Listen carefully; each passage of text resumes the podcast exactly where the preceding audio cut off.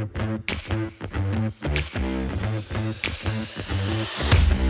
what's up? Thomas hier. Hele korte episode. Het enige wat ik eventjes wil meegeven, en ook al luister je dit en is een podcast aflevering misschien twee of drie minuten.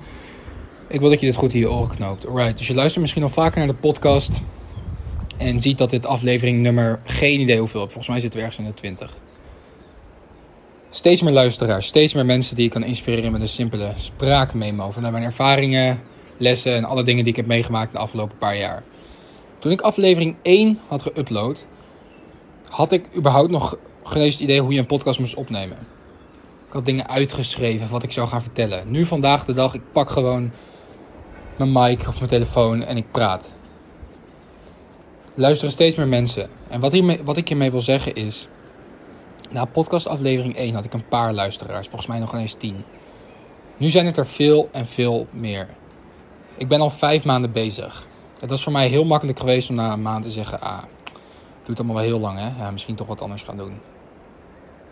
Nu, na een half jaar, vijf maanden verder, zitten nu in september begint het zijn vruchten af te werpen. Het gaat steeds beter. Ik krijg steeds meer berichtjes. Ik kan steeds meer mensen inspireren. Ik krijg steeds meer mensen die zeggen: Hey Thomas, je, je verandert mijn leven. En ik maak jouw podcast, luister ik als ik ochtends naar school ga. Of als ik in de trein zit. Of als ik thuis aan het koken ben. Of wat dan ook. Het begint allemaal bij één ding. Als jij miljonair wilt worden in e-commerce. Het begint allemaal bij het verkopen van het eerste product.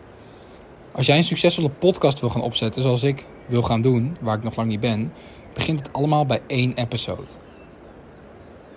Als jij topscorer wilt worden in de Champions League, begint het allemaal met één doelpunt bij je amateurclub.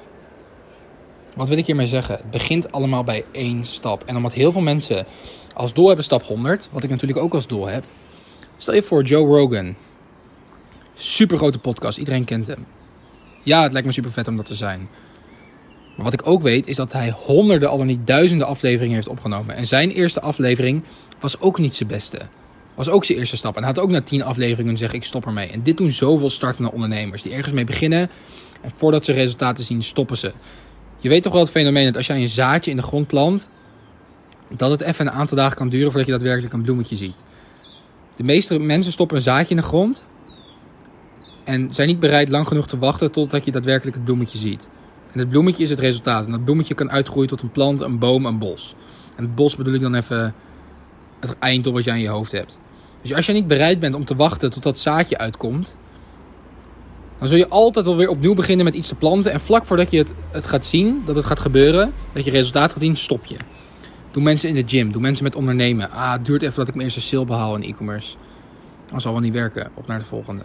Tuurlijk kan optimaliseren en natuurlijk is het chill als het snel gaat, maar het begint allemaal bij de eerste stap. Dus wees blij met die eerste stap. Maak die eerste stap.